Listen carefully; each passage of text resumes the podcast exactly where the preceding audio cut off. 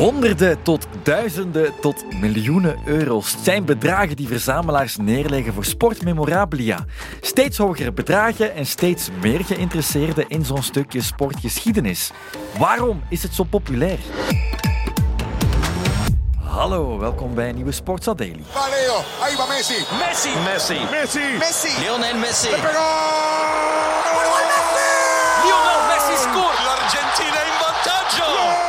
Messi was weergaloos op het afgelopen WK voetbal en schonk Argentinië een nieuwe wereldtitel. De beste voetballer ter wereld zette zo de kroon op zijn carrière en een deel van die kroon is nu te koop. Veilingshuis Sotheby's verkoopt zes shirts die Messi droeg op dat WK als één collectie. Het zweet van Messi kan je er misschien nog in ruiken. Het hoogste bod op het moment dat ik dit inlees, 6,5 miljoen dollar. Iemand een zakcentje over. Het is maar een voorbeeldje in een veel bredere tendens vandaag. Sportfans willen geschiedenis in huis halen. Ik heb het geluk gekregen om een echte tv-blad KV Mechelen van het jaar 1988 Match Worn te hebben kunnen kopen van iemand. En dat is echt wel heel uniek, want daar zijn er heel, heel weinig van. Dus daar ben ik super trots op. Onder andere podcaster Evert Winkelmans vertelt bij ons over zijn eigen collectie, net zoals Arnoud Geens van voetbalshow Belgian Football Classics en Formule 1-verzamelaar Mark Jans. Wie fan is van voetbalpodcast Mit weet het. Evert Winkelmans kruipt elke aflevering in de zetel met een voetbalshirt. En daarin zit geen beurtensysteem of zo tussen dezelfde vijf shirts. Uh, nee, wie durft heeft stilaan een volledig notitieblok nodig. Van nu gaan mensen denken dat ik echt elke dag een voetbalshirt aan heb. Maar ik moet wel toegeven dat ik zeker twee keer per week eigenlijk wel een voetbalshirt aandoe. Dat is meer dan de gemiddelde mens, denk ik. Knappe ratio, dat zeker. Er is een verzamelpassie bij Evert dus. En wie verzamelt, herinnert zich altijd zijn eerste stuk. Het eerste dat ik gekregen heb, want daar was ik eigenlijk extreem blij mee, dat was mijn kerstmis. Dat was uh, het Barcelona van het dreamteam van Johan Cruijff. Dat net ook de Champions League had gewonnen. Uh, met die goal van Ronald Koeman op Wembley. En toen heb ik Stoichkov gekregen. En ik was enorm grote fan van Risto Stoichkov, een gekke Bulgaarse spits, die toen bij Barcelona echt een fenomeen was. Stoichkov trekt de kous op. Ja, is binnen! 1-1! Stoichkov! Ik was een enorme fan van en ik kreeg dat shirt met kerstmis en ik was echt super blij. Er zijn ook videobeelden van dat ik echt uit mijn dak ga met dat truitje. Ik kreeg ook de bijpassende broek, wat voor shirtjesverzamelaar nog epischer is. Dus ja, dat was, dat was echt. Dat is ook zo een herinnering die ik als kind heb bijgehouden. Dus dat, dat zegt al genoeg hoe groot mijn passie toen al was. Voor Evert begon het met de shirt van Barcelona. Evert heeft uh, twee clubs waar hij grote fan van is. Dus ik ben zelf grote fan van twee clubs, hè, KV Mechelen en FC Barcelona. Voilà, oude glorie in het Belgische voetbal vind je inderdaad bij KV Mechelen of natuurlijk bij... Anderlecht. Ja, ik wilde als ik in de tuin ging voetballen hetzelfde kunnen uitzien als mijn idolen. De, en mijn vader heeft mij altijd meegenomen naar Anderlecht, dus een jaarlijks bezoekje aan de fanshop, daar is de grote liefde eigenlijk begonnen. En dat Anderlecht-liefde wordt ons vandaag toegezongen door Arnoud Geens. Arnoud Geens, zaakvoerder Belgian Football Classics. Een bedrijf dat zich richt op vintage voetbalshirts en met een niche vooral op Belgische shirts. Voilà, Belgian Football Classics, een van de ondertussen vele initiatieven waar enthousiastelingen van gedragen voetbalshirts zich kunnen uitleven. Belgian Football Classics heb ik vijf jaar geleden opgericht, uh, nadat ik gestopt ben met studeren, omdat ik eigenlijk een beetje wilde wegblijven van echt werk zoeken. Ik heb dan wel echt werk gevonden, maar uh, dit altijd ernaast blijven doen. Ik heb altijd Anderlecht shirts verzameld en op een gegeven moment wou ik oudere shirts van voor mijn tijd, om het zo te zeggen. Omdat die inderdaad authentieker uh, leken en toch zo een oldschool, echt voetbalgevoel geven tegenover het commerciële van nu. En zo heb ik eigenlijk een heel uitgebreid netwerk opgebouwd met dat zo te verzamelen. En op een gegeven moment kreeg ik gewoon meer shirts aangeboden, um, niet enkel Anderlecht.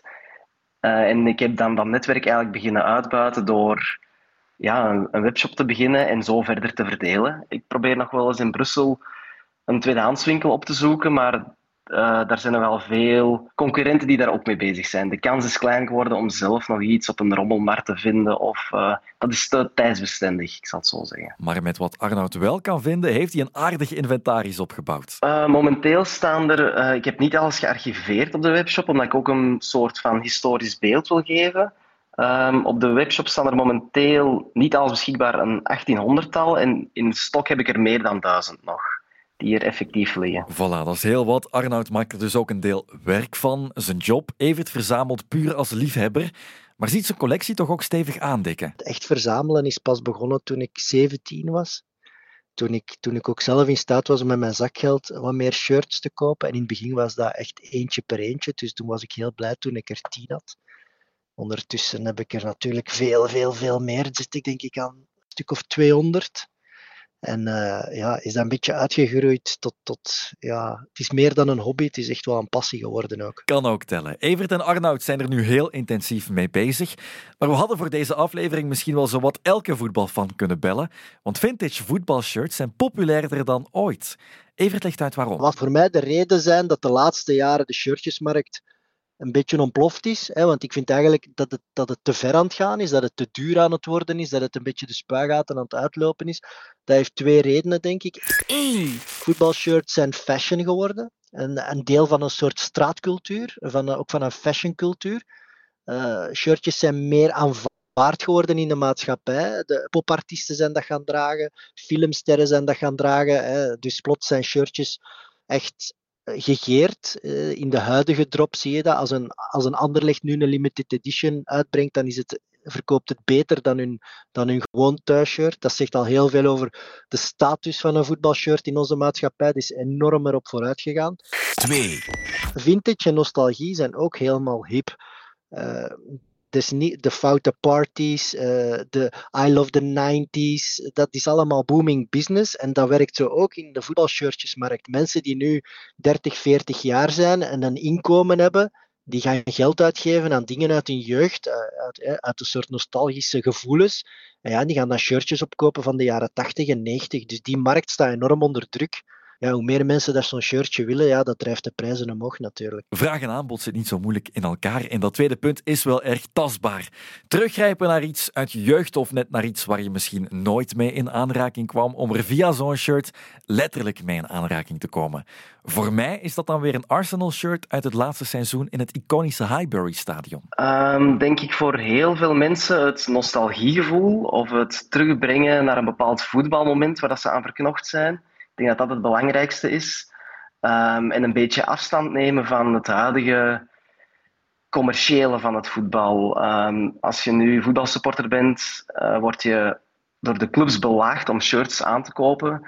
Vier of vijf uh, verschillende versies die ze uitbrengen. Dus het wordt echt gepusht naar u. Terwijl als je bijvoorbeeld een Genk-shirtje wil vanuit de jaren 90, daar moet je echt een zoektocht naar doen. En dat zal voor veel Genk-supporters ook veel persoonlijker zijn naar een beginjaar, een eerste kampioenschappen, dan tegenover nu. Het geeft zo'n gevoel van de goede oude tijd. Toen was voetbal nog echt nog geen VAR-discussies, maar nog velden uh, die vijf keer omgeploegd waren, om het zo te zeggen, voordat erop werd gevoetbald. Ehm, ik denk dat dat het belangrijkste gevoel is dat mensen terug willen krijgen. En dat, dat kan lukken door middel van een aankoop van een oud voetbalshirt. Voilà, een soort levend anachronisme worden. Goed, het zou raar zijn als alleen het voetbal zou leven op nostalgie en hebben dingetjes. En dat is natuurlijk niet het geval. We maken een uitstap naar de Formule 1.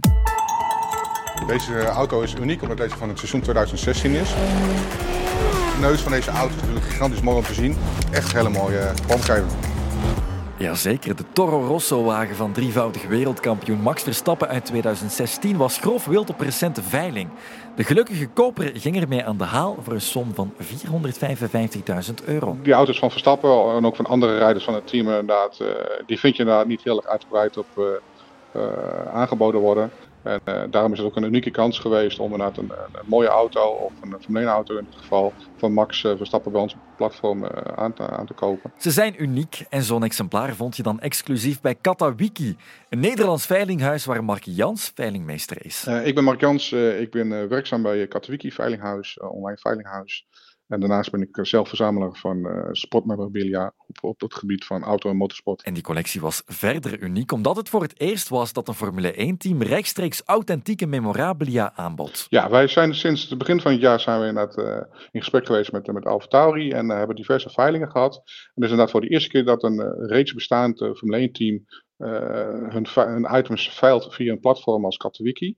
Voorheen is dat nooit voorgekomen op deze grote schaal inderdaad. En voor wie zo'n auto van een klein half miljoen net iets te duur is, zijn er ook andere opties. In de samenwerking met AlphaTauri, uh, Scuderia AlphaTauri, hebben wij ook items die inderdaad voor een nou, groot publiek beschikbaar is. Dan moet je denken aan wielmoeren. Maar inderdaad ook, wat we net al genoemd hebben, een, een Formule 1 auto. Dat klopt, ja. Dat wielmoer dan zelf gaan monteren op je auto kan, weet ik niet goed. maar ook dat zal eerder uitgestald worden. Maar welke waarde vind je in een wielmoer? Ja, kijk, eh, daar zijn de verzamelaars in. Kijk, de ene verzamelt postzegels, die we uiteraard ook veilen op ons platform eh, van Katowiki. En de andere die verzamelt Formule auto's en alle gerelateerde items daartussen. Ja, in principe, elke verzamelaar die, die, die heeft een bepaald bedrag over voor een leuk stuk die bij ons op een veiling te verkrijgen is. voor de ene is dat ze naar de postzegel of een munt. En voor de andere is dat een wielmoer die gerelateerd is aan een bepaald team. In dit geval het Scuderia of Tauri team. Niks mis mee, uiteraard.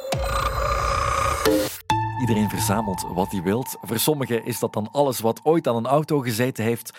Anderen willen dan weer volledig uitgedost in vintage voetbalfashion naar het stadion trekken. Uh, maar over die voetbalshirts, er bestaat een beetje een taboe op het dragen van die waardevolle geschiedenisrijke exemplaren. Zo getuigt Arnoud Geens. Um, ja, want ik verzamel wedstrijdgedragen shirts en ik krijg het niet om mijn hart uh, om bijvoorbeeld een shirt van uh, Anderlecht dat ik heb hangen van Morten Olsen. Ik heb het wel één keer gedaan voor het dan zelf aan te doen. Gewoon om de legende een beetje levende te houden. Van dat is enkel gedragen door Morten Olsen. Nee, ik heb dat dan ook een keer aangedaan. Maar normaal gezien doe ik dat niet. Um, ook gewoon, uh, ik ga niet naar een stadion gaan met een shirt dat 400, 500 euro waard is, om er dan uh, met mijn frietje dat ik na de wedstrijd neem op te smossen. uh, dat risico wil ik gewoon voorkomen. Um, als ik een shirt draag, dan is het iets wat ik zelf in de fanshop heb gekocht en dat ik weet van de waarde is oké om het aan te doen. Maar een superduur shirt laat ik liever hangen. Die overweging maakt Evert Winkelmans minder. Ja, ja, ik word daarop aangesproken. Want ik draag er heel veel en ik draag ze soms ook gewoon naar wedstrijden of op vakantie of ja, dus ik draag ze nog wel. Ook heel zeldzame shirts. En, dan krijg ik echt berichten op Instagram van ben je gek dat je dat aandoet? Want er moest maar eens iets... Ja, je moest maar eens een bloedneus krijgen en een bloed opmorsen. Of er moest maar eens iemand eh, tegen jou rijden met de fiets. Of er een scheur in komen. Het kan van alles gebeuren dat de waarde van het shirt voor u is. Dus ja, eigenlijk zou je ze in een, in een mooie uh, humide kast moeten leggen, hè, dat er nooit iets mee kan gebeuren, maar dat kan ik niet. Ik vind het, het is wearable, het is passie, het is emotie, dus ik ga ze blijven dragen, vrees ik. Voor Evert mogen die shirts wat geleefd worden. Voilà, voilà. Die unieke shirts, ze kosten soms veel. Wie goed zoekt, vindt unieke dingen voor wat minder geld. Maar op de vindbare plekken blijft het duur, door de grote interesse natuurlijk. Tactisch gezien moet ik de mensen nu wegjagen van het verzamelen van shirts. Want hoe meer van die verzamelaars er opduiken, hoe minder kans ik heb hè, om mijn verzameling echt goed uit te breiden.